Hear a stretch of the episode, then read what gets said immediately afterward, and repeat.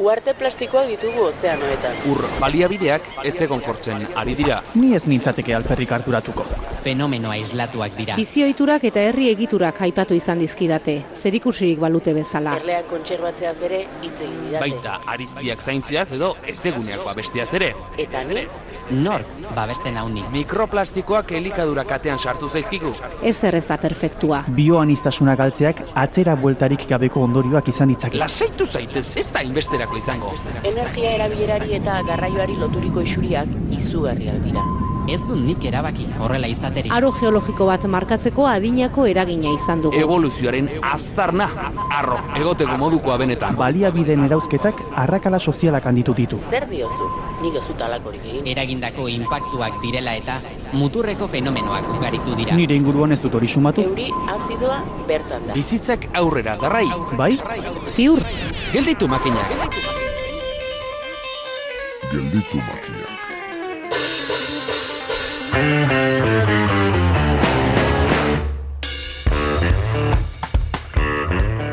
Paradoxikoa da entzule ze energia gutxi eskaintzen diogun energia gutxiago baliatzeari. Egon badaude ordea torloio amaigabe batek bezain efiziente lan egiten duten buru argiak eta energiaren argi ilunetara murgildu direnak. Hortzaitzen biogasa sortzeko proiektua abiatu dute eta Jean-François Mateo autetxiarekin egon ondotik, Arantxa Edieder kolaboratzaileak bildu du bertako berri.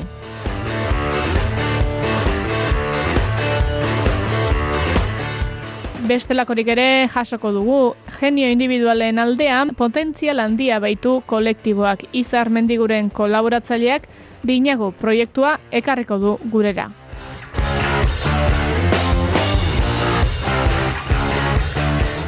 Eta bukatzeko pilak karga-karga eginda utzi asmoz, zine pilula bat izango dugu maite bidarteren eskutik. Amaika kontu entzuteko, gelditu makinak saioaren hirugarren denboraldiko amaikagarren saioan. Zatoz gurekin entzule.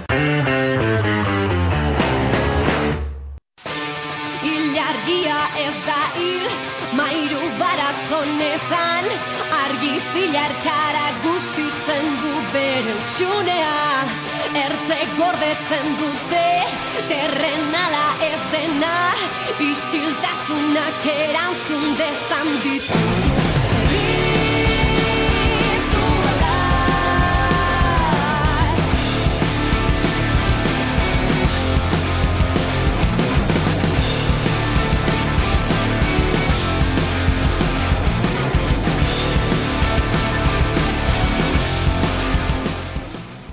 Bi mila eta hogeiko hauteskunden ondotik, hortzaizeko herriko etxeko lantaldea eta beraz alkatea berritua izan da. Herriko etxeko hautetxi berri hauen helburuetan sartu da garapen iraunkorrari begira jartzea eta proiektuak zaintzea. Zortzireun biztanleko Baxena Farroako herrian laborantzari loturiko aktivitatea garrantzitsua da eta horietatik lortutako ongarriak bigarren interes bat dutela ohartu dira. Naturalki gertatzen den aldaketa kimikoak metanoa eta gas karbonikoa sortzen baitu. Herrian hogeita hamar mila tona ongarri dira urtean, beraz, gasiturri autonomo bat sortzea du helburu hortzaizek. Arantxa eder mintzatu da hortzaizeko autetxi batekin.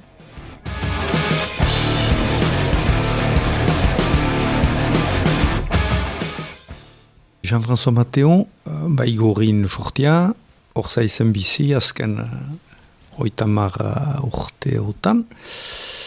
Eta ene, ene denboran, lan denboran erakaskuntzana izan iz, eta guai bat bi urte kanporatu nutela dinaren gatik. Eta ala guai erretiratuan iz. eta hortza izen haute beraz.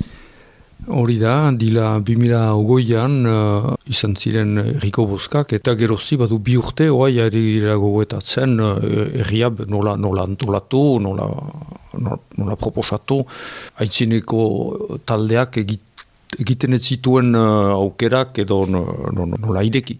Aldaketa handia izan zenez, naski hortza izaren zat, zuen zat? Bazen arlo bat nahi, jogatu nahi ginila, zen garapen iraunkor hori uh, ekologia eta ikusi zorza inguruan uh, hainiz, tokitan ikusten dira ongarri meta ongarri meta hundi batzuk egan nahi du, hemen askuntza da, agerian den uh, ekoizpen ba, laborantza da askuntzarena, hainiz ardi, behi batzu, eta ardiak eta tratatiak dira genea emaiten dute, eta gero beren arteietan solan uh, uh, erabiltzen dute edo lastoa edo uh, iratzea, eta kaikin eta pizarekin hori deitzen dugu on, ongarria.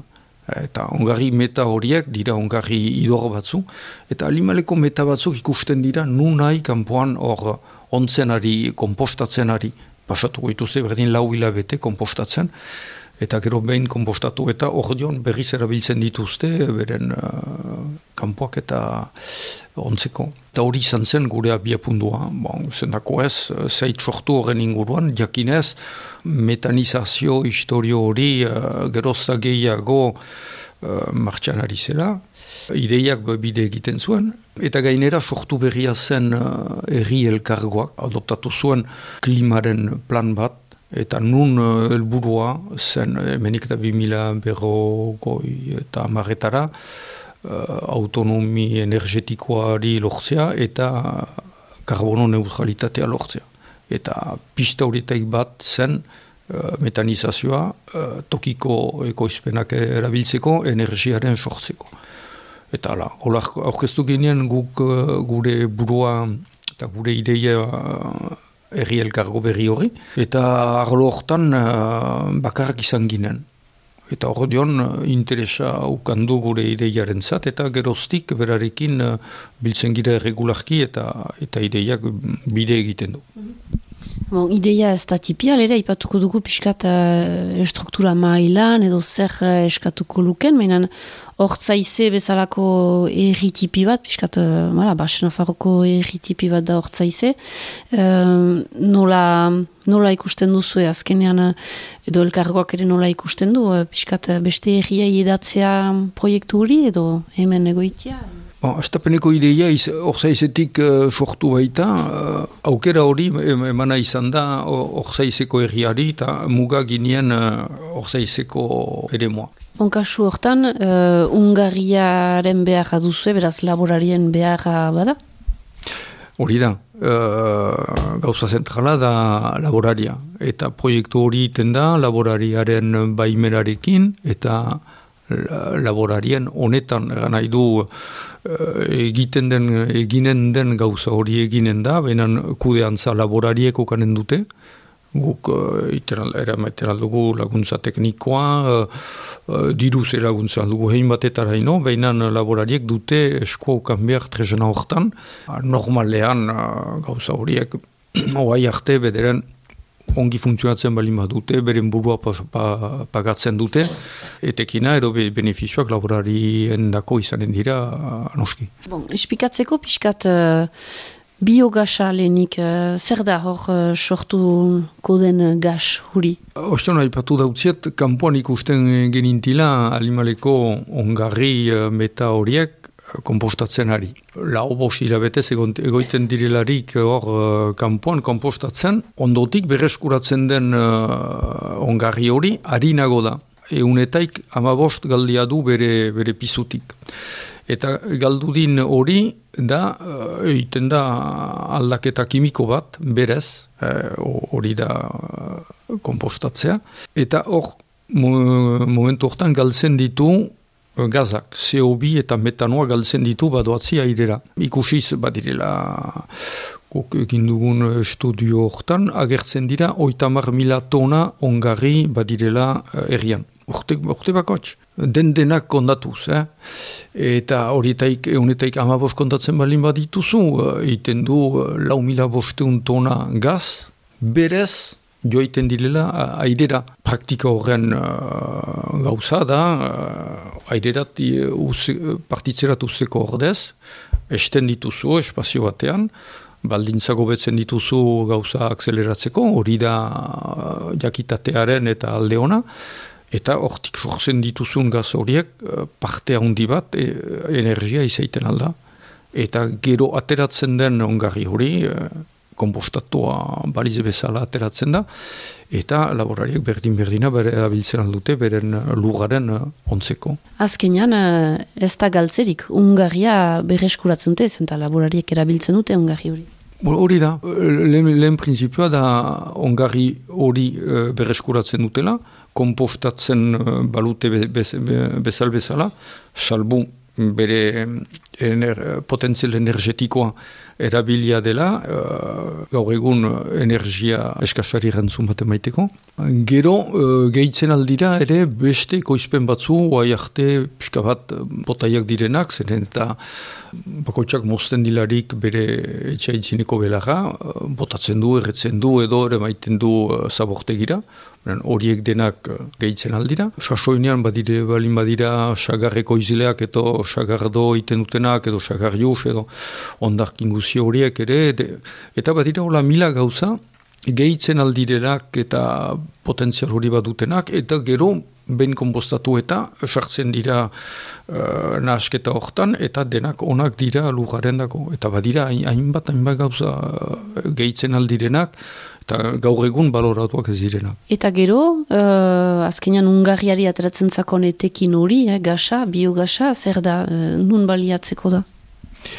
Ordeon da, uh, ateratzen den gasa da nahasketa bat, da metanoa eta CO2 uh, karbono dioksidoa. Proportzioa da irurogoi, enutek irurogoi inguru metano eta enutek berrogoi karbono dioksidoa. Beresten bat dituzu uh, metano hori uh, isurtzen alduzu uh, gaz sarean, gaz oduk horietan. Egunetaik egun uh, baliatzen duzu uh, energiak isa.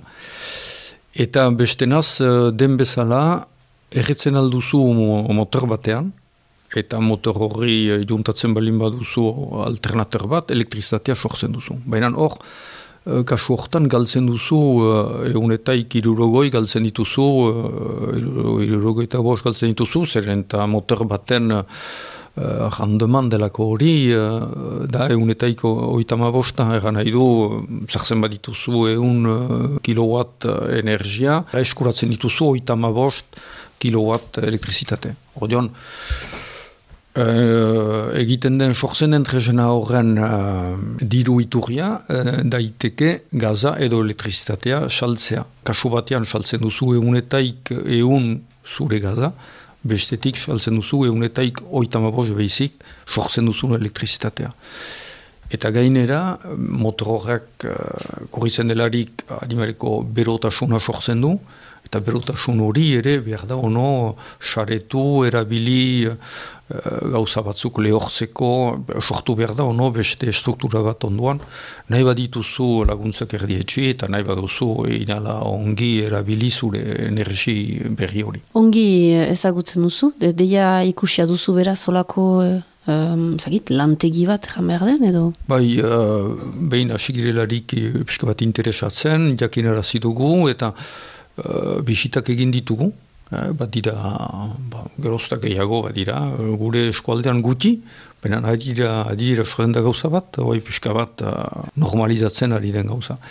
Gauza bakarra da, guti direla laborantza tipietan txipieri lotuak direnak. Gehienetan dira laborantza haundi batzu. Zer eta erresago da, horiek laborantzetan badira bi uh, askuntzako laborantzetan, eh? bi mota badira, batzuk jaurtzen dute, uh, kalen azpian botatzen dute edo iratzia edo lastoa eta horrekin iten dute ongarri idora. Baina laborantza moderno horietan, zuzenean, kak eta bizak isuriak dira, zuzenean iurriak dira, eh, heldu diren bezala, eta iurriak dira, metanizatzaile tresna, eta gehienak dira, ora, likidoan uh, ari direnak, zeren eta erresago da, kaka isuri bezain laster, iten duzu kisartako tresna, eta isurtzen eta badoa direktoki metanizatzerat. Hodion, egiten diren uh, eunetaik bederatzi olakoak dira. Eta gero, gure eskualdean diren ongarri idor horien dako gutxi dira, baina, baina merezi dute egitea. Ba, ordean, zer diote laborariak, azkenean hor uh, puntu garrantzitsu bat baita ez, proiektu horrentzat? Bai, laborariak, uh, bo, be, beti gauza da, eh? txiste moduan eganen dugu laboraria beti nigarra zai dela, baina momentuntan batez ere uh, ikusiz uh, kanpoko giroan nola den, gerla ekoizpen guziak uh, ari dira ikiragarri uh, igotzen. E, hemen bizi den uh, laborantza gehiengoa aski intentsiboa da, egan nahi du lurgutitan iten dute, hainizka bal bat dituzte, egan nahi du hainitz erosten dutela kanpotik, eta kanpotik erosten dituzten janari guzi horien presioa gora igotzen direlarik, uh, da beren, uh, beren horeka, uh, bat, uh, be desorekatia da, eta gara jortan gu pasatzen gira etxaldez etxalde, esplikatzeko, ala, zerri behar duzu diru biska bat, eta eta tresna horren sortzeko.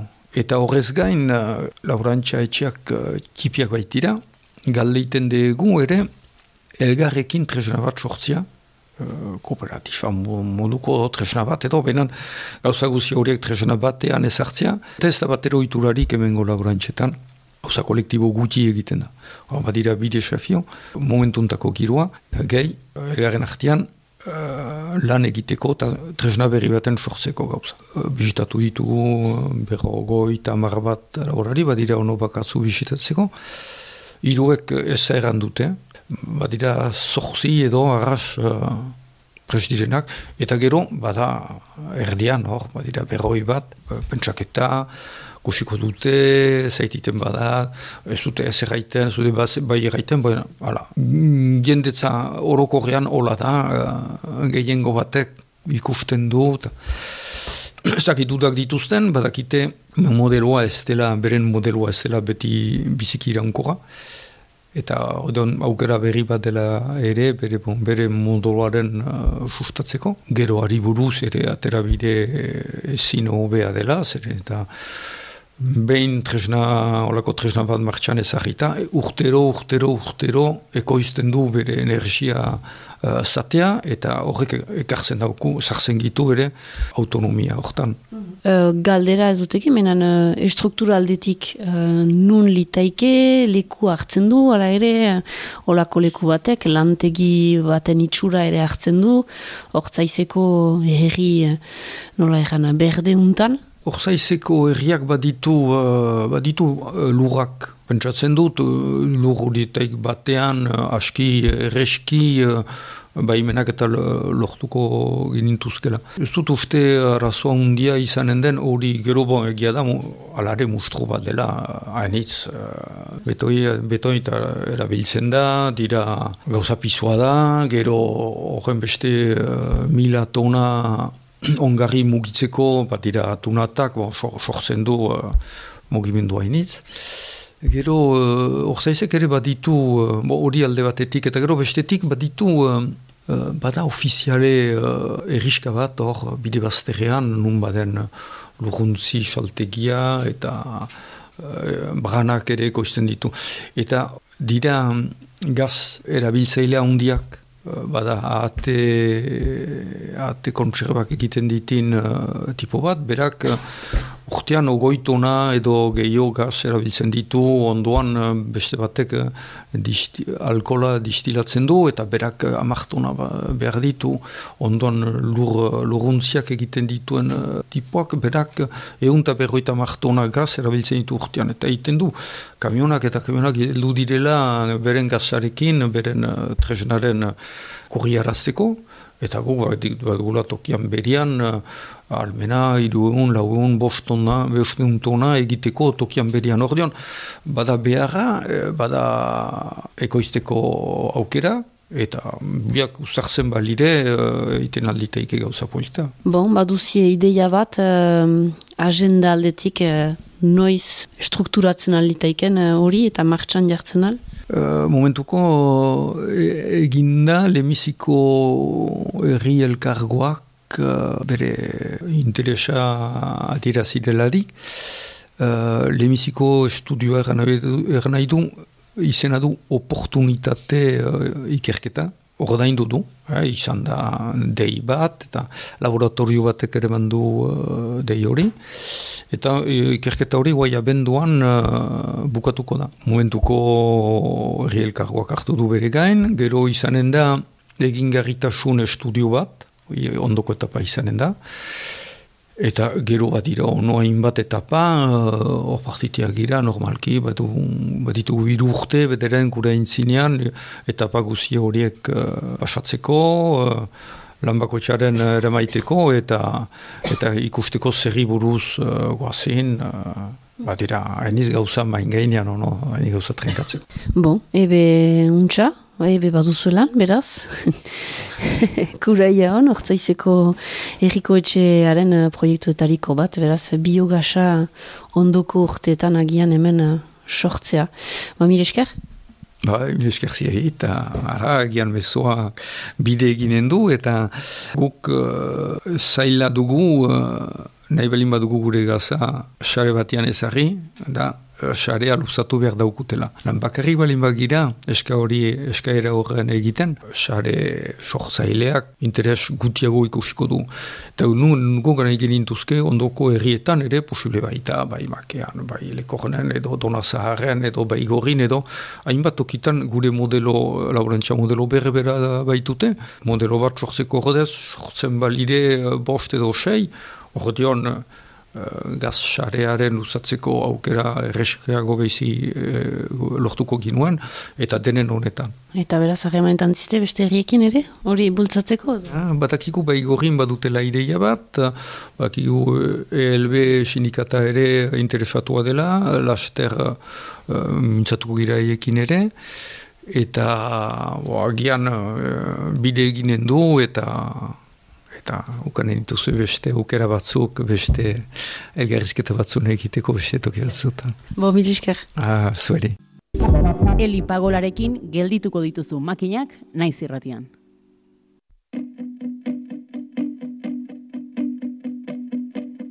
Atea ireki behar da Noizean behin Noizean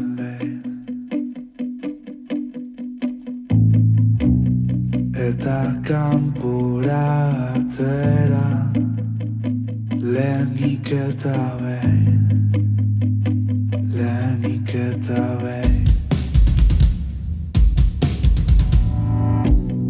Aurpegian joko dizun aize bera aize horre. Arantxa idiederrekin egon ondoren, Izar mendigurenen gana joko dugu, leire aiertzagunaga bravo artisauarekin izan baita, dinagu proiektu kolektiboko kidea bera, eta garaiotan pilpilian denari helduko diote. Entzun ditzagun. Etxea ustu ez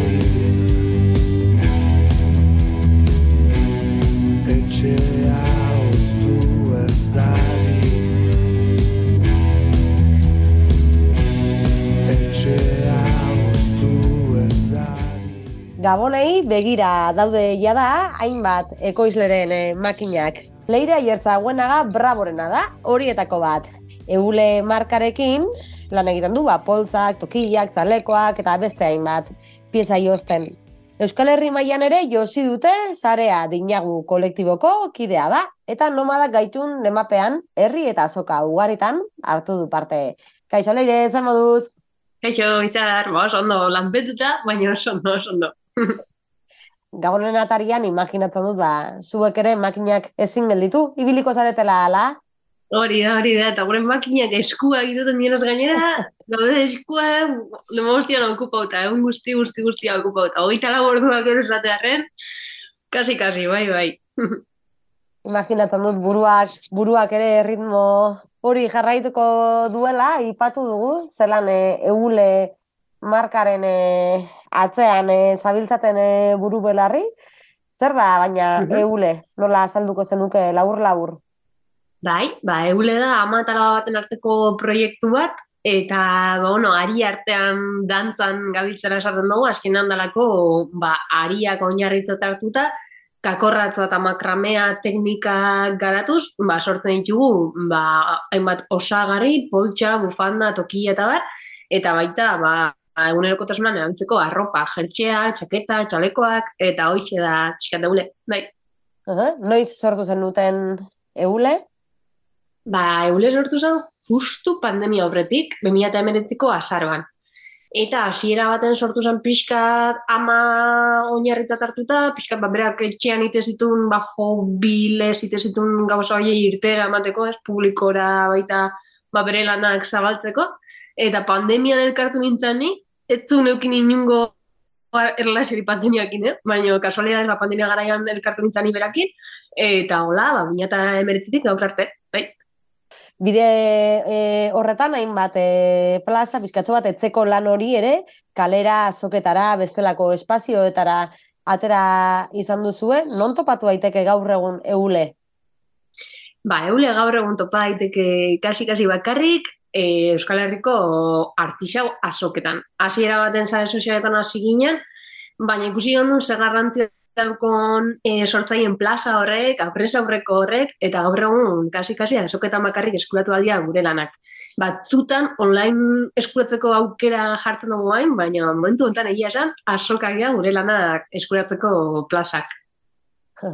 Euskal Herriko artizauen e, azokari ematen diozue e, garrantzia berezia do beharrezkoa, erdigunean e, ipintzen duzuen zuen Mhm. erakusleioa hori da, zergatik, edo zergatik horren aldeko autu nabarmena. Bai, ba, ba, hasiera baten e, sare sozialetan hasi ginen funtzionatzen, baina ba, pandemia gara hortan, sare sozialek indar hartu zuten baita, egia esan, e, sare sozialetan jarraitzen dugu gure lanak erakusten, eta iruditzen daku, ba, naita ez garatu beharreko bide badala baita, Baina, aldi beren, e, sare sozialak dauketen hori ez, ez zaudela kontsumitzaiekin aurrez aurre, ezin dezula lanak erakutsi, ezin dezula harreman hori e, eraiki, Gaina da, ez, zure etxe, etxeko hotzetik zabitza kontsumitzailean gana aurkitzen harreman hori iten, eta gure gandun pixkat hori aparte utzi eta aurrez aurrekoan zentratu, kontsumitzaileekin aurrez aurreko harreman zintzo bat garatu, eta e, gainera eskaini gure lanak ikusi eta ikutu izateko ba, plaza bat, ez? Eta gainera ba, publiko orontzako, ez? Sare soziala dauzkan publikoantzako bakarrik, baizik eta publiko orontzako. Orduan, ba, momentu hortan, e, horren aldeko apustu egiten gabiltzan, eko nabarmen, bai. Tokiko artizauak eh, ardatza hartuta, eh, gaur egun eh, zure ustez, ze motatako plazak behar dituzue ekoizleek, sortzaileek, zuen proiektuak aurrera egin dezaten? Ba, behar dugu plaza duinak, egia esan, behar dugu bazkinen plaza batzuk e, sortzaileok erdigunean jarriko gaituna, ez? Azkenen, e, askotan asoka batzuk ikusten dela, ez, ba, jart, jarri jartzearen, baina ez da jarri jartzearen, baizik eta e, asokan dauden ekoizle eta sortzaile guzti horiek ite duten lan bat oso berezia da, ez? Orduan, duintasun hori eta gu erdigunean egote hori oso garrantzitsua da guretzako eta ekoizle sortzaile eta txiki guztiontzako. Orduan behar dugu, ba hori duintasun bat emango duzkun e, asoka bat. Mhm. Euskal Herriko herri gehienetan antolatzen dira azokak ez ohituak gaude, halako merkatuak eh, ikustera, baina e, zuke azpimarratzen duzu ez, e, duintasune hori edo, edo toki duinak, e, lan duinak e, lortzeko akaso batzutan gabezia batzuk e, badirela, zeintzuk dira? Edo zer aldatu beharko litzateke?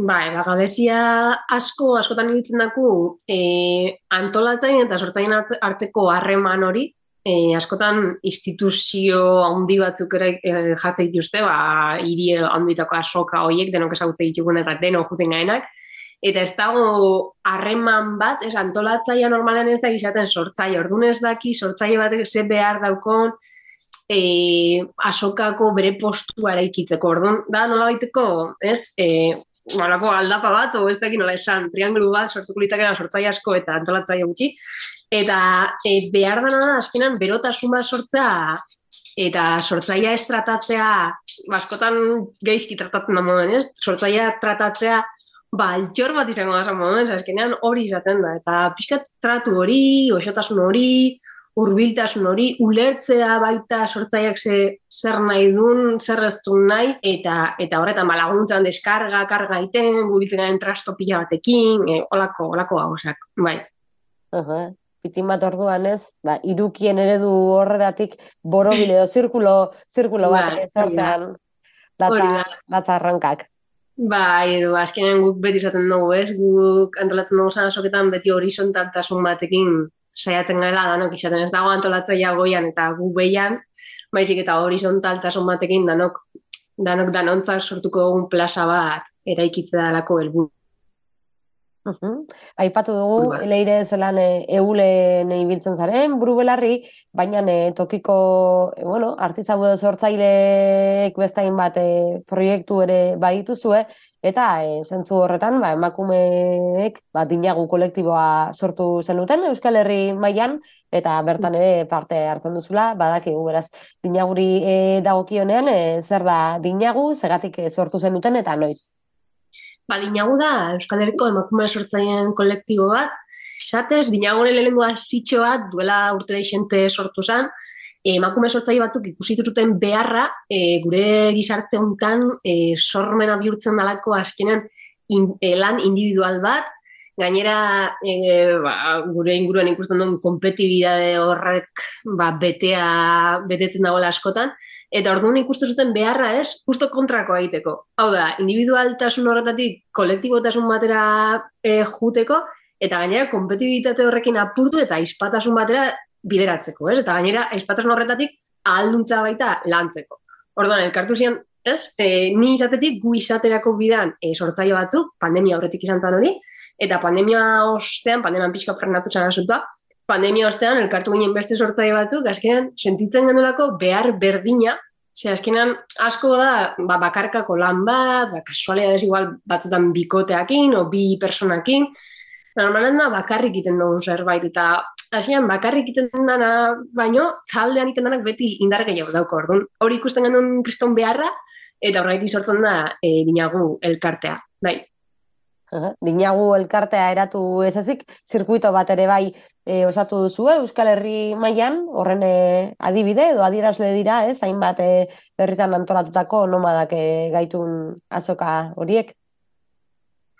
Bai, hori da. Azkenean, bueno, dinagu elkartu bueno, gauza asko in, nahi dugu, etorkizun baten edo e, bide hortan, baina hasiera hasieratik sortu genuen e, nomada gaitun ekimena, Ibiltzen dakulako lehen aipatutako asoka duin horren beharra zeola bat ez be emakumeoi bideratuta, ez? E, hasiera baten egunen diskusioa, ez? Dinagu izan Euskal Herriko sortzaileen asoka, osea, so, e, Euskal Herriko sortzaileen elkartea, edo Euskal Herriko emakume sortzaileen elkartea, ez? Eta kontratu ginen, zenbat emakume garen e, sortzaile, eta orduan segati dan hori, ez? Eta kontatu ginen, nola dan lan bat gainera eskotan ez dala duina izaten, nola dan igual zaintza eta e, kontziliazioakin oso lotuta dagoen ba, aukera bat, etxetik inaldalako lan eta bar, eta zaten nien, ostra, ba, igual emakumo zerbait, zerbait gaitik ara hor, ez? Orduan bada, e, nomada gaitu sortzen da, bide horretatik, ez? Ba, denok batera asoka bat eraikitzetik. Indegu bide nahiko luze bat ja, e, Euskal Herriko ba, bost provintzia zapaldu ditugula uste dut, hasi ginen 2008 bateko udan, eta gero zapaldu ditugu hainbat, azpeitin, aseñan, Gernika, Donosti, Laudio, Iruña, Sara, zapaldu dugu dela gutxi, eta Tolosa dagoiaz e, abenduan. Uh Aurreatu duzu, abenduan eitzordu bate duzuela, da. tolosan noiz izango da, non, Bai, Tolosan e, zerkausian izango da, da azkenean bertan iten da Tolosako asoka. Tolosa ezagutzen da mundu guztiak badaki zerkausian nago, nera aldezarren bertan. Eta izango da asteburuko asoka. Normalen Tolosan larun batetan ekoizle txikien asoka gotan da zerkausian, orduan goizean nago da ekoizle txikien asoka, eta arratsaldean hasiko da nomada gaitun e, asoka. Orduan, e, izango da larun batean arratsaldeko bostetatik beratzira ingurura, eta igandan izango da goizeko plana. Hasiko da maiketan eta hiruak arte. Hori da. Asteburuko plana beraz, Gipuzko aldean, Gabonen e, atarian dinagu kolektiboarekin, zita, hala ere, e, aspaldi dinagutik ere ikusi genuen, zareetan ez, zelan e, dekalogo bat ere atera zenuten, ba, herritarrak kontzientziat e, aldera, zergatik edo, ze mezu, nahi izan zenuten zabaldu Mhm. ordukoan. Ba, azkenan iruditzen dakulako e, oso importanta dela e, kontsumitzaile amaita e, txipa aldatza edo lanketa prozesu bat ita. Eta gu handik hasita zezu gu gara sortzaile, ba, baina gu gara baita kontsumitzaile, ez? Orduan, e, duintasun hori bilatzen gainera, ba, nahi genuen ba, kontsumitzaile erakutsi zein dan e, dekalogo hon bat, izateko kontsumitzaile egoki bat, ez? Eta orduan, ba, dekalogoa alde horretatik e, sortu genuen, ez? Ba, eskotan e, ikusi dugulako ba, jarrera ba, eskor batzuk eta hola e, kontsumitzaren aldetik, eta ba, bueno, komentario asko sufritu behar izan dugu sortzaileak, orduan, ba, hori ez jasotzeko guk, guk erakutsi genuen, ba, nola izan, e, sortzaileak duintasunez tratatuko ditun kontsumitzaile bat. Eta atera genuen lako dekalogo bat, ba, denok jarraitu beharrekoa, eta bai, bai, oi genuen bai.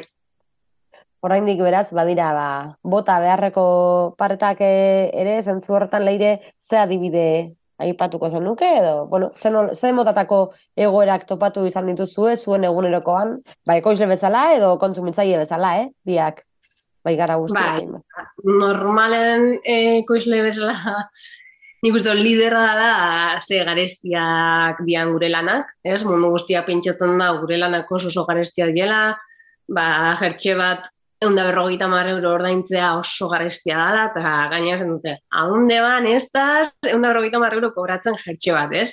Eta gainera, aurpegira esaten dut jente asko, ez? Orduan, ba, hori izaten da, nik uste sortzaile guztiok bizi izan dugun esaldia, e, noiz edo, noiz, eta gero, ba, beti egoten da gutxi espenen bat, manika hau nezake oso erraz, e, honek ez dauka eser, eta lako, ba, hainbat eta hainbat e, kontu, bai, Zentzu horretan uste duzu oraindik ere e, prezioak daukala e, balio, balio gehien produktu bat edo ekoizten dela baloratzerako orduan?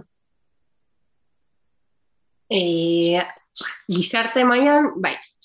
Kontua da, e, jendeak diruakin erosten dauzela gauzak, orduan diruakin neurtzen dagoela lan bat e, lan baten prezioa, ez dakit nola esan. Azkenean guk iten duen e, proposamena da jendeai e, lanketa hori itea, ez? Zerbait erosten dugu momentuan, lanketa itea prezio horren zer dagoen, eta zer gaitik daukon prezio hori. Hau da, ez ita bakari lanketa, egun da berrogeita mar euroko jertxeak, ez bali daun egun da berrogeita baizik eta itea lanketa berdina, bost euro ordaintzen dut zenean jertxea, ba berdina, ez? Zer gaitik dauko presio hau, eta, eta zer dago presionen atzean eta gero presio diru aldetik baita da, azkenean denon dirua da, denon denbora, eta orduan da baita, nik zer nahi nire diruakin, nori nabil ematen diru hori, eta horrekin ze etorkizun nabil eraikitzen, ez? Orduan, pixkat lanketa bide hortatik eta baita proposatzen gure, gure aldetik.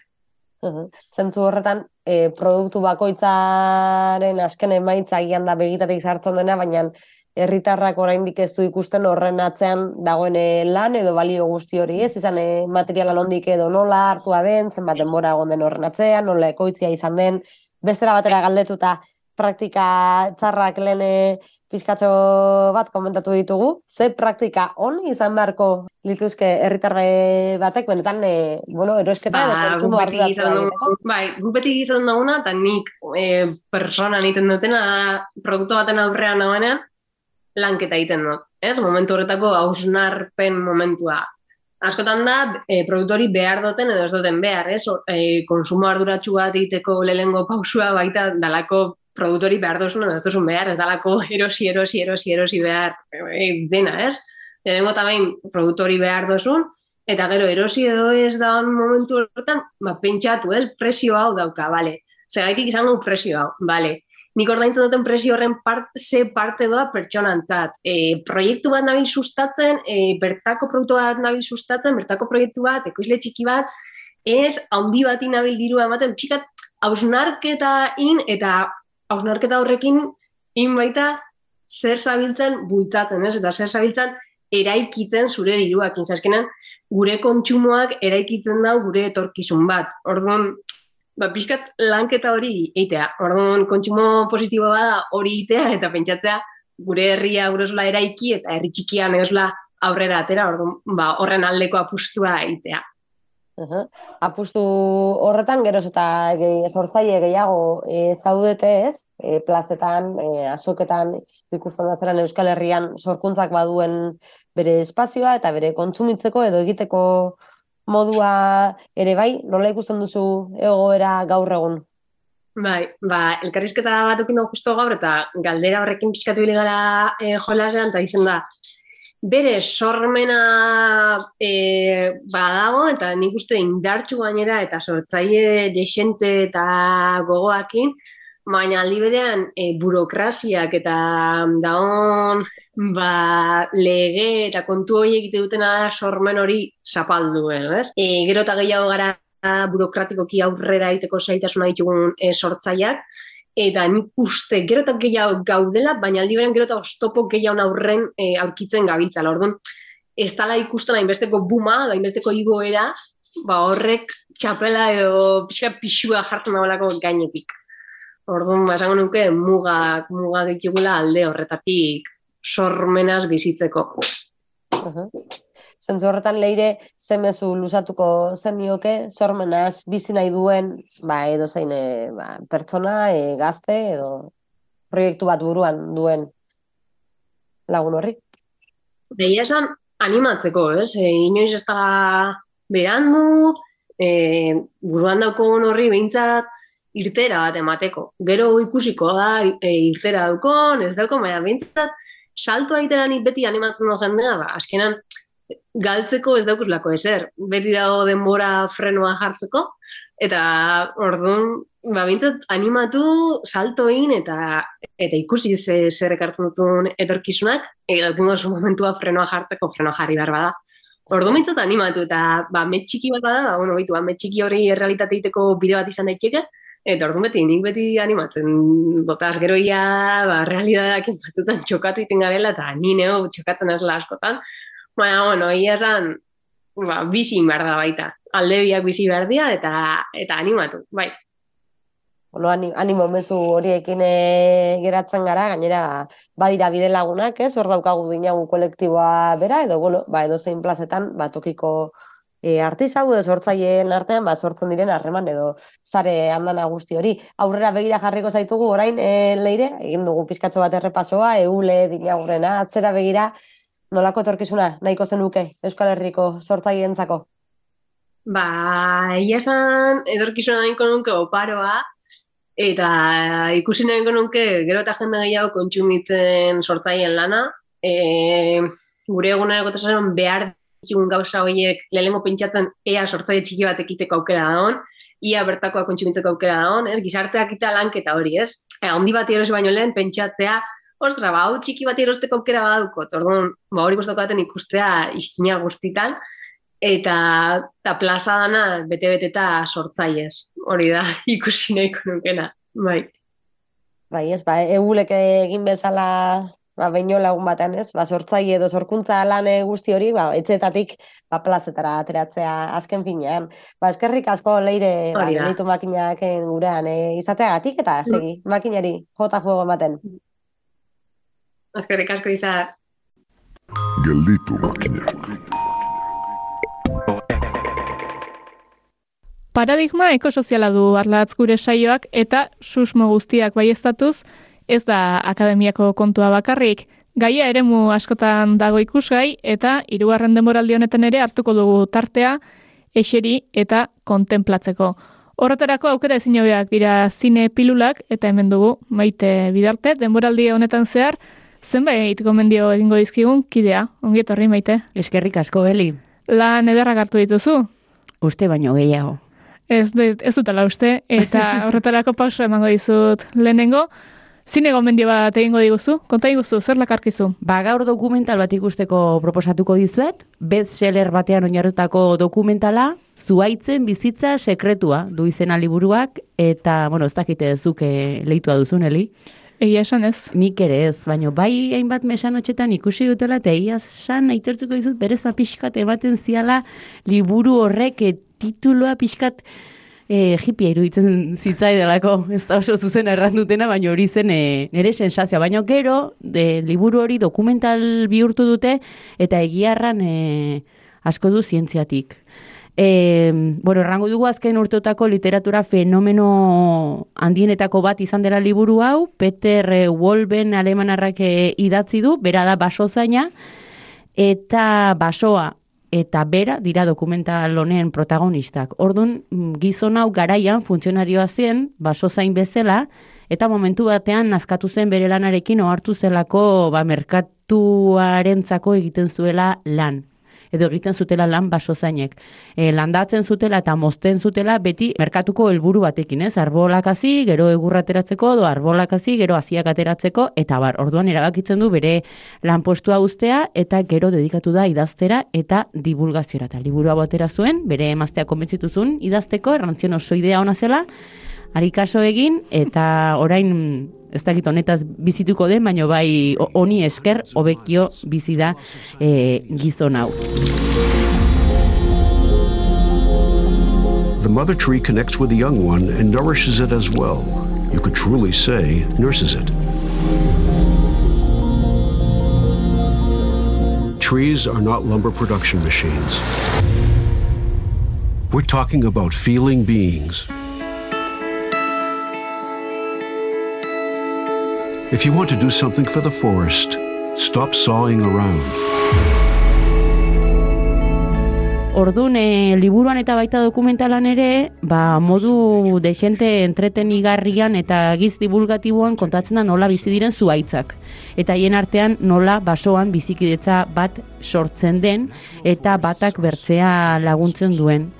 Eta, bueno, Alemaniako basoan egingo dira, egingo da bisita, e, Suediara ere bidaiatuko dugu dokumental honetan bertan dagolako, ba munduko arbolik zarrena, e, basoak babesteko manifestazio batean ere ba, hartuko du parte, eta, bueno, hola pixkate segituko dugu baso zain honen atzetik eta joango da kontatzen arbolaren sekretuak. E, ni harritua geratu naiz, eh? Arbol, arbolen atzean eh, zenbat kontu dauden eta ze gutxi dakigun. Adibidez, e, ba, hitz egiten du ere arbolen inguruan sortzen den ekosistemaz, ba, xixareak, animalia, goroldioak eta onjoak ere. Onjoak bautelako beraien funtzioa eta hemen Euskal Herrin agitzen jozaleak e, gara eta bat ikusi eta normalin etxerako hartzen dugu. Eta bera, ba, gizon hau ez dago ez dago horren alde. E, dokumentalak ordu terdi inguru edo irauten du, e, Alemaniarraz dago, gaur egun filminen ikusi dezakezue, e, plataforma horretan badago, baino ez dut aukerarik izan beste nonbaiten bagote dagoen ikusteko, Eta hori bai, e, konzentratu zaitez ikusteko ze alemanez da, eta azpitituluak baditu bai, baina hori ez ikusi gaueko amaiketan, hori nire gomendioa. Igual, e, bazkaldo horretik edo igande goiz batean, euria dagoenean edo, baina bai dela modu bat zuaitzak bertzen modu batera ikusteko. Ba, jasota geratzen da gomendioa, batez, bi gainera, pelikula eta liburu ere bai, bide batez. Hori da. Ba, eskerrik asko maite, horrengor arte. Zuri Elia jo. We can't destroy nature. It will always recover itself. Forest will return. It would just be nice if we were still around.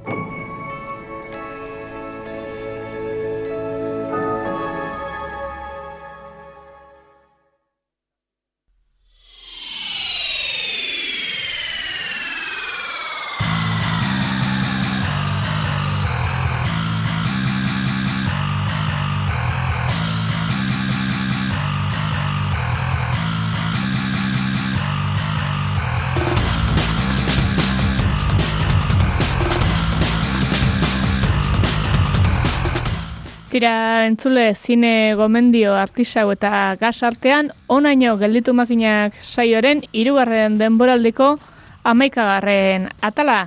Urrengor arte, ongi izan.